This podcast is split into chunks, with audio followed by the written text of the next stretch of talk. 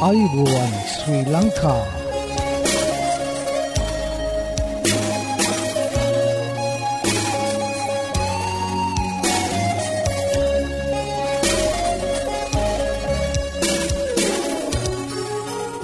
ඔබට සුපදස් මේ ඇඩවෙන්ටිස් වර්ල් රේඩියෝ බලාපොරොත්වය හඬයි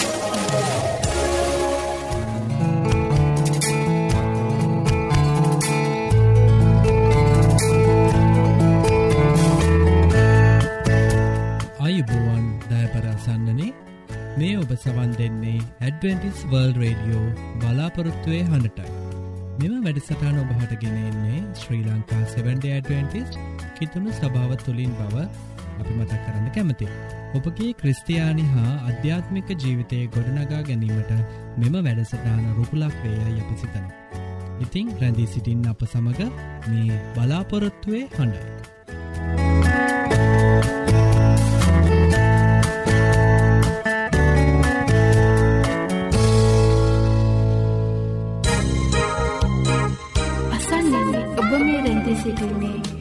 ඇඩවෙන්ටිස් වර්ල් රේඩියෝ බලාපොරොත්තුවය හඬ සමඟ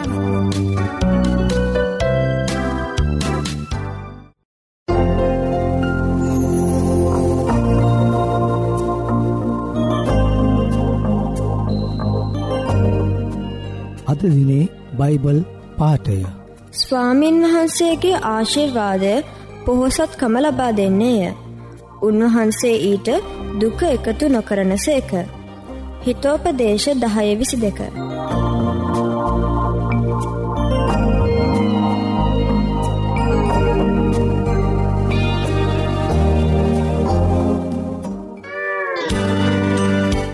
ආයුබෝවන් මේ ඇඩවෙන්ටිස් වර්ල් රේඩියෝ බලාපොරොත්වය හඬ යෙසායා පනස්සිකි දොළහා නුම්ඹලා සනසන්නේ මමය. ඔබට මේ සැනසම ගැන දැනගානට අවශ්‍යද? එසේනම් අපගේ සේවය තුළින් නොමිලේ පිදෙන බයිබල් පාඩම් මාලාවට අදම ඇතුල්වන්න. මෙන්න අපගේ ලිපිනය ඇඩවෙන්ටිස් වල් රේඩියෝ බලාපොරොත්තුවේ හඬ තැපැල් පෙටිය නමසේ පා කොළඹ තුන්න.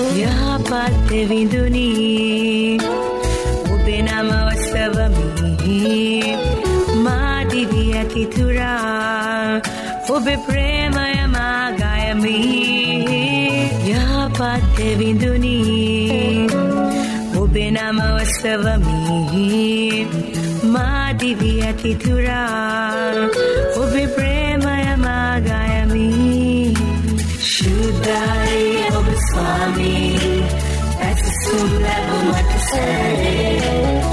विद्याये उपस्वामी परसुन्दरो मदस्ताहे उभे प्रेमयमा मुदवाते उभे हस्तयमा उस्वाते उभे महिमयमा पुरवाते या पाते विदुनी उभे प्रेमयमा मुदवाते उभे हस्तयमा उस्वाते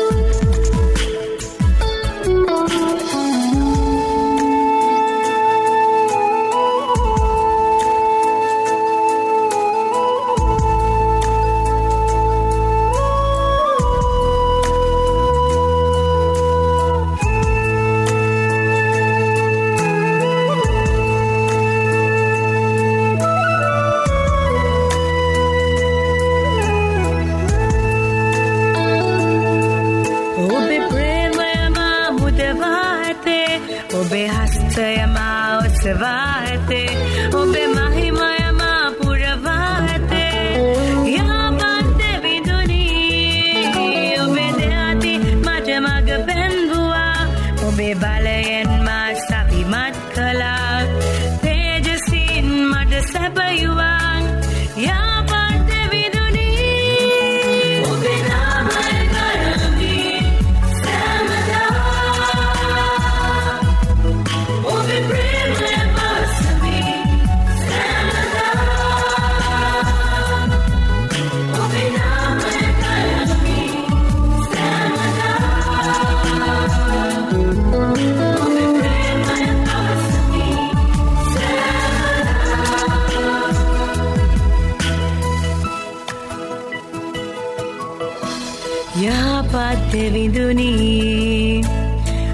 ඔබේ නම ඔස්සවමි මාදිවි ඇතිතුරා ඔබේ ප්‍රේමය මාගයමි. යහපත් විදුනී ඔබේ නම ඔස්සවමි මාදිවි ඇතිතුරා ඔබේ ප්‍රේමය මාගයමි. ශුද්ධයි ඔබ ස්වාමීන් ඇත්සුම් ලැබුමට සෑහේ ශුද්ධයි ඔබ ස්වාමීන් ඇත්සුම්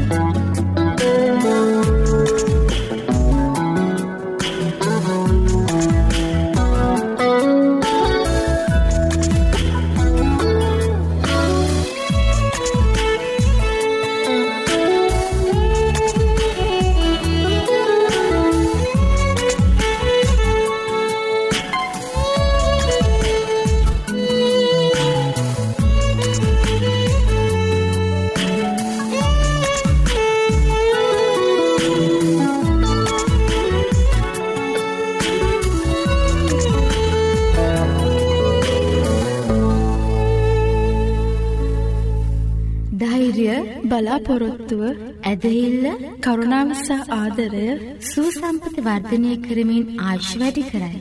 මේ අත්හදා බැලිමිට ඔබ සූදානන්ද එසේනම් එකතු වන්න. ඔබත් ඔබගේ මිතුරන් සමගින් සුවසතට පියමත් සෞඛ්‍ය පාඩම් මාලාවට.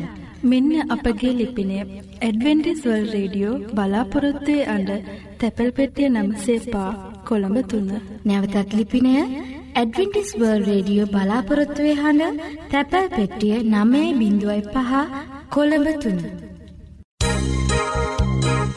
අසන්නන්නේ ඔබ මේ රැඳී සිටින්නේ ඇඩවින්ටිස් වර්ල් රේඩියෝ බලාපොරොත්තුවේ හඬ සමඟ.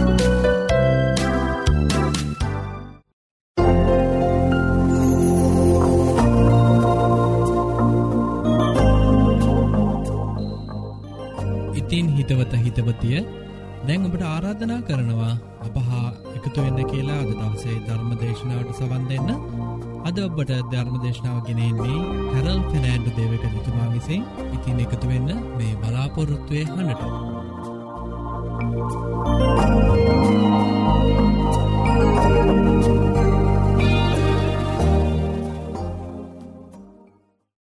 ප්‍රිය සොයුර සොයුරිය මේ පවතින ලෝක සමාජ්‍යය තුළ බුහත ලෝකය සමඟ මතබැදුම් වර්ධනය වෙමින් තිබෙන බව ඔබ දකිනවා ඒ වගේම ඔබ අසනවා ඒ වගේම ඔබ දන්නවා.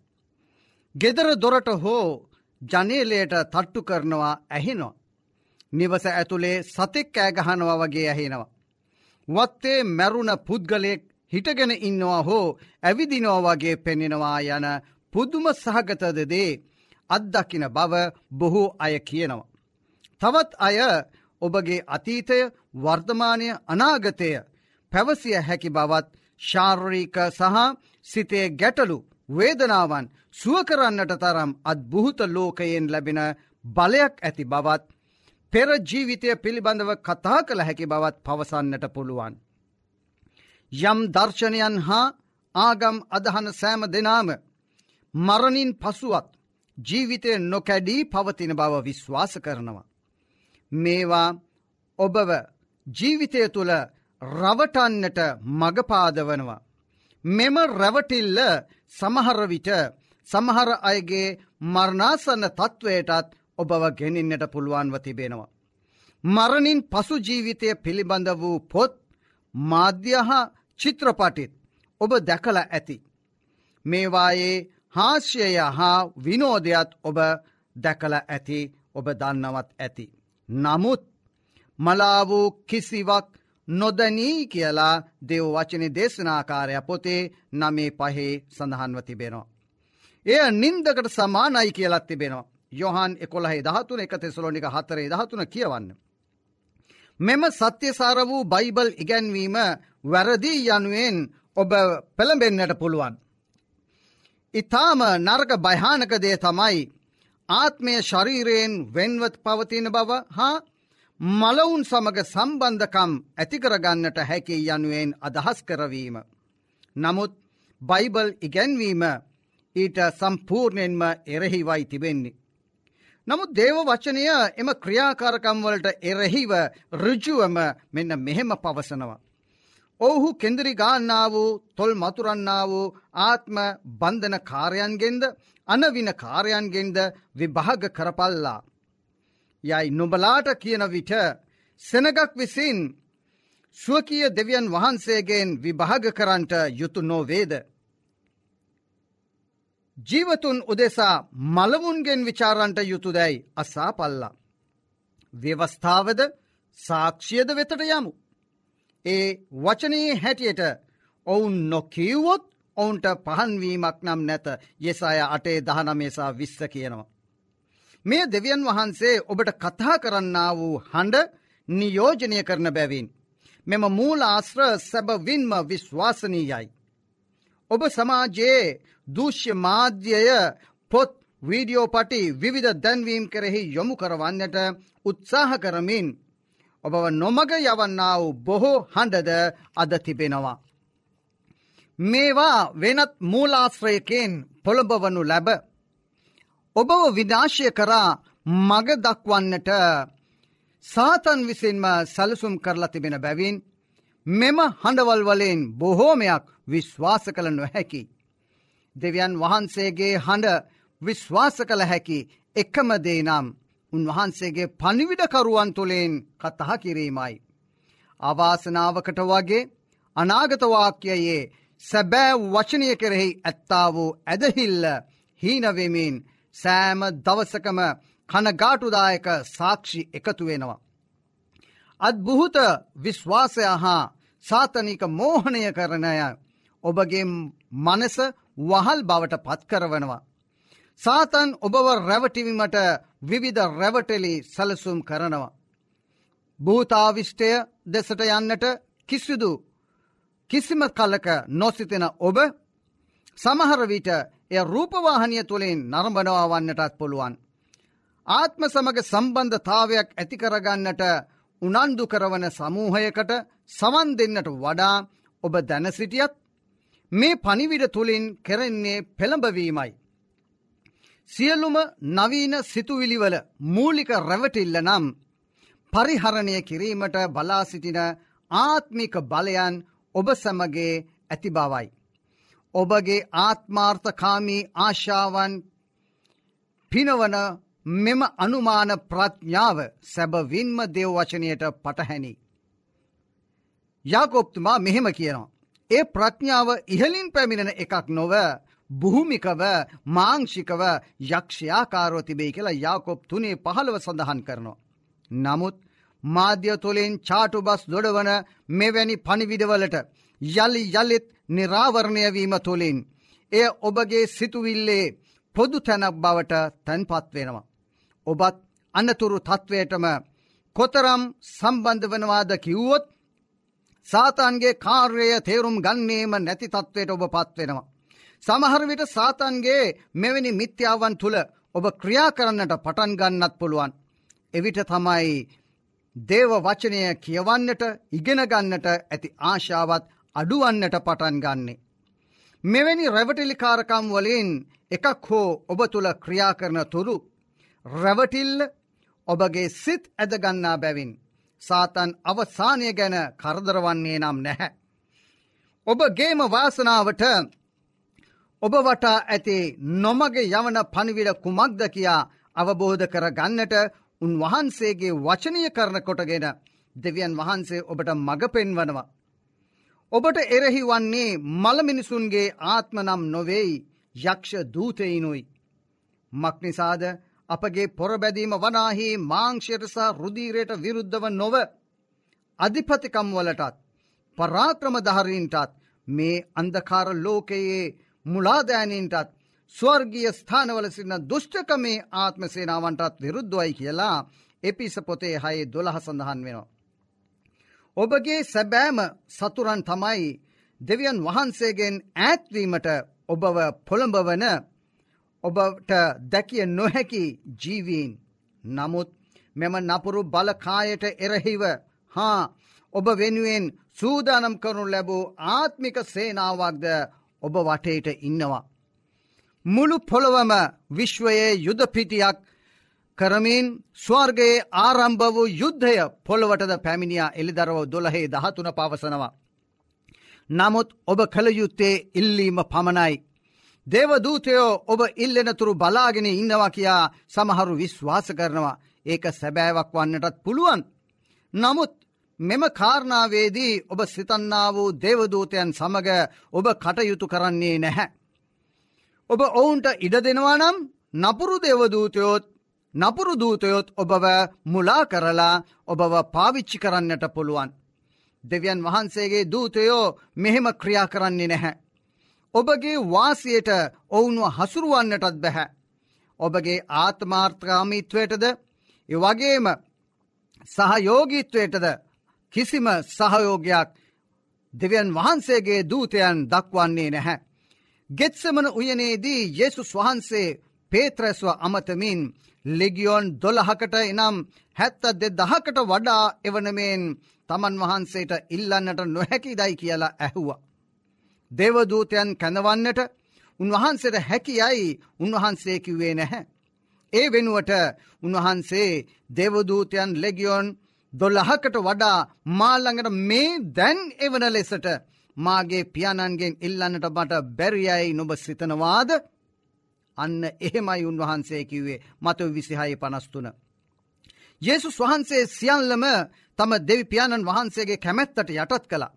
උන්වහන්සේත් දේවදූතයන්ව කැඳෙවේ නැත්නම් ඔබට එලෙස කරන්නට මොන අයිතියක්ද තිබෙන්නේ. අවසාන මුලාව පුළුවන්නම් තෝරාගත වුවන්වත් පවා මුලා කරන බවද ජෙසුස් වහන්සේ පැවසවා මතයුතුමා තුළින් විසිහතර විසිහතර. සාතන් සහ ඔහුගේ දූතයෝ ලොව මුලා කරන්නට අශුද්ධහත්ම යවන බව එලි දරව්ව පොතෙන් ඉගෙනගන්නටත් පුළුවන්. මෙම යක්ෂ ආත්ම බොහෝ දෙනෙක්ව මුලා කරන්නට හාස්කම් කරලා අර්මගදන්හි දෙවියන් වහන්සේ සමඟ යුද්ධ කරන්නට විශාල සේනාවක් එකතු කරන හොඳර මතකතියාගන්න.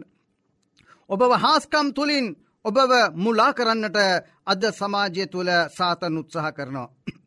ජෙසුස් වහන්සේ නැවත එන්නට පෙර සාතන්ගේ ආත්ම බයිබලිය ශාක්ෂිවලට වඩා ඔබ දකිනදේ විශ්වාස කරන පිණිස මුලා කරන්නට හාස්කම් කරනවා.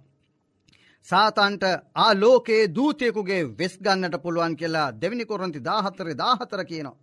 ඒ වගේම සාතන්ගේ දූතයොත් වෙනත් වෙස් ගන්නේ ඔබව රවටන්නටයි. ඔවුන්ට ආගමික සැබෑකමක් ගන්නට පුළුවන්. එලිදරෝ පොතේ දාසයවෙනි පරිච්චේදේ සඳහන් කරන තියෙන පිළිවලට යක්ෂයෝ රෝගීන්ව සුවපත් කරමින් දේව වචනයට පටහැනිදේත් කියන්නට පුළුවන්. දේව වචනය ඉතාම පැහැදිලිව පවසන්නේ මලව් අය කිසිවක් නො දන්නා බවයි. ඔබගේ සැබෑ සතුරෝනම් සාතන් මෙහේවන හාස්කම් ඇතුළුව ලෝකය මුලාවෙන් වසාලන අන්දකාරයේ ආත්මයන් සහ නපුරු දූතයින් ප්‍රමයි. අද සමාජය හා ලෝකය මහ විනාශය කරන මුලාවන් ගෙනෙන මෙම සිද්ධීන් වෙනුවෙන් දැනටමත් පසුබිම් දාලා තිබෙන බව ඔබට පේනවනි. ඔබත් සමහර වෙලාවට මේ සුවකිරින් පස්සේ අනිකුත් ආත්ම වින බන්ධන පස්සේ කොඩුවින බන්ධන පස්සේ යනවා වෙන්නට පුළුවන්.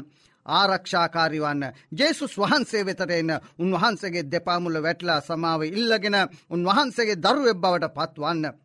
මුලාවෙන් ඔබ අවට ආරක්ෂා කරගන්නට හා සාතන්ගේ රහස් කුමන්ත්‍රණයන්ට එරෙහි වන්නට ඔබට ගත හැකි ප්‍රායෝගික පියවරගන්නට කුමක් සිදුවේද කියලා දේව වචනය තුළින් දැන් පැහැදිලි මග පෙන්වීමකට ඔබ අවධානය කළ යුතුව තිබෙනවා. ඒ සඳහා සතුරාගේ නොයකුත් හඬ ඇතුළුව සතුරාව හඳුනාගන්න. ලියවිල්ල දැනගැනීමෙන් ජේසුස් ක්‍රිස්තුස් වහන්සේවද මෙන්න මෙහෙම්මම කලා මතයව හතරවෙනි පරිච්චේදේ ඒ පරීක්ෂාවන් ගැන ඔබ දන්නවත් ඇති අහලත් ඇති. සාතන් විසින් කළ හැකි ඕ නෑම දෙයක් බැහැර කරන්න. ජේසුස් වහන්සේව පුද්ගලිකව හඳුනා ගැනීමෙන් හා පුද්ගලික ගැලුම් කරුවානන් ලෙස පිළිගැනීමෙන් ඔබ මධ්‍යයේ ක්‍රියා කරන්නට නපුරු දේවදූතයින්ට පයක් හෝ තබන්නට ඉඩදෙන ඔබගේ නිවසෙහි ඕ නෑම බල්ල පෑමක් අහක් කරන්නට ඔබට දහිරය ලැබෙනවා කියලා ක්‍රියාපොතේ දහනමේ දහතුන දහට දහනමියත් පවසනවා. ඔබ හා ඔබට ඇති සෑම දෙයක් දෙවියන් වහන්සේට කැප කරන්න යකොබ හතරෙ හත කියනවා. ඔබ මෙය කරන අතරේදී ඔබ ඔබගේ නිවෙස්වලට දෙවියන් වහන්සේගේ වැඩ සිටීමට ආරාධනා කරන්න. එවිට සාතන් ඔබගේ නිවසෙන් පන්නාදමිය හැකි ඔබ වෙනුවෙන් හා අන් අය වෙනුවෙන්ද යාඥා කරන්න. සමහර නපුරු බලපෑම් වඩත් ශක්තිමත් වන අතර. ඒවා නැතිකර දමන්නට හැකිවන්නේ ආත්ම දමනය කර නොකඩවා යාඥා කිරීමෙන්ම පමණයි. මාක්සුභාරංචේ නාමේ විසිනාමය එපි සහයේ දහට කියනවා. මේ අනුව ජේසුතුමාව ඔබගේ පුද්ගලීක ගැලුම්කරු ලෙස පිළියාරගෙන දේව වචනය වන බයිබලය කියවලා ඉගෙනගෙන ඒ අනුව ජීවිතය හසුරුවා ගන්න ජේසු ඔබට ආදරෙයි අපි ආඥා කරමු. මහෞත්තම දෙව ප්‍යානනී ඔබහන්සේ දුන්නාව ජේසුතුමා තුළින් ඒ දේව වචනය තුළින් උන්වහන්සගේ ජීවිතය අත්දැකීම් තුළින් අපටදී ඇත්තාව ඔවදන් තුළ අපගේ ජීවිතය හසුරුවන්නට ඔබගේ ශුද්ධාත්මවල ලබා දෙන්න. ජෙසුස් වහන්ස ඔබ වහන්සේ මට ආදරෙයි. ඒ වගේම ඒ ආදරයේ උත්තරීතර ආදරයට ප්‍රති ප්‍රේමයක් දක්වන්නට මට ශුද්ධාත්මයන් වහන්සේ තුළින් මඟ පෙන්වන්න. ජෙසුස් වහන්සේගේ නාමෙන් ඉල්ලා සිටිමි ආමෙන්. ආයුබෝවන් මේ ඇඩ්විටිස් වර්ල් රේඩියෝ බලාපොරොත්වය හන.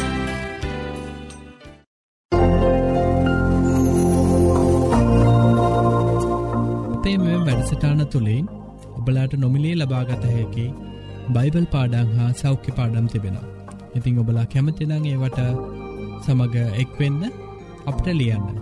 අපගේ ලිපින ඇඩවෙන්ටිස් වර්ල් රඩියෝ බලාපොරොත්තුවය හඬ තැපැල් පෙට්ටිය නමසය පහ කොළඹ තුන්න මම නැවතත් එපිනේමතක් කරන්න ඇඩවෙන්ටිස් වර්ල් රඩියෝ බලාපොරොත්තුවය හඬ තැපැල් පෙට්ටිය නමසේ පහ කොළඹ තුන්න ඒවගේ මොබලාට ඉතාමත් ස්තුතිවන්ත වෙනවා අපගේ මෙම වැඩසටාන දක්කන්නාව ප්‍රතිචාර ගැන අපට ලියන්න. අපගේ මේ වැඩසටාන් සාර්ථය කර ගැනීමට බලාගේ අදහස් හා යෝජනා අපිට අවශ්‍ය අදත් අපගේ වැඩසටානය නිමාව කරාලඟාව තිබෙනවා ඉතිං පුරා අඩහෝරාව කාලයක් අප සමඟ ඇැදිී සිටිය ඔබට සෝතිවන්ත වෙන අතර හෙටදිනියත් සුපුරොදු පරිති සුපුරොදු වෙලාවට හමුවීමට බලාපොරොත්තුවයෙන් සමුගන්නාමා ප්‍රස්ත්‍රියකනායක ඔබට දෙවියන් වහන්සේකි ආශිර්වාදය කරුණාව හිමියේවා.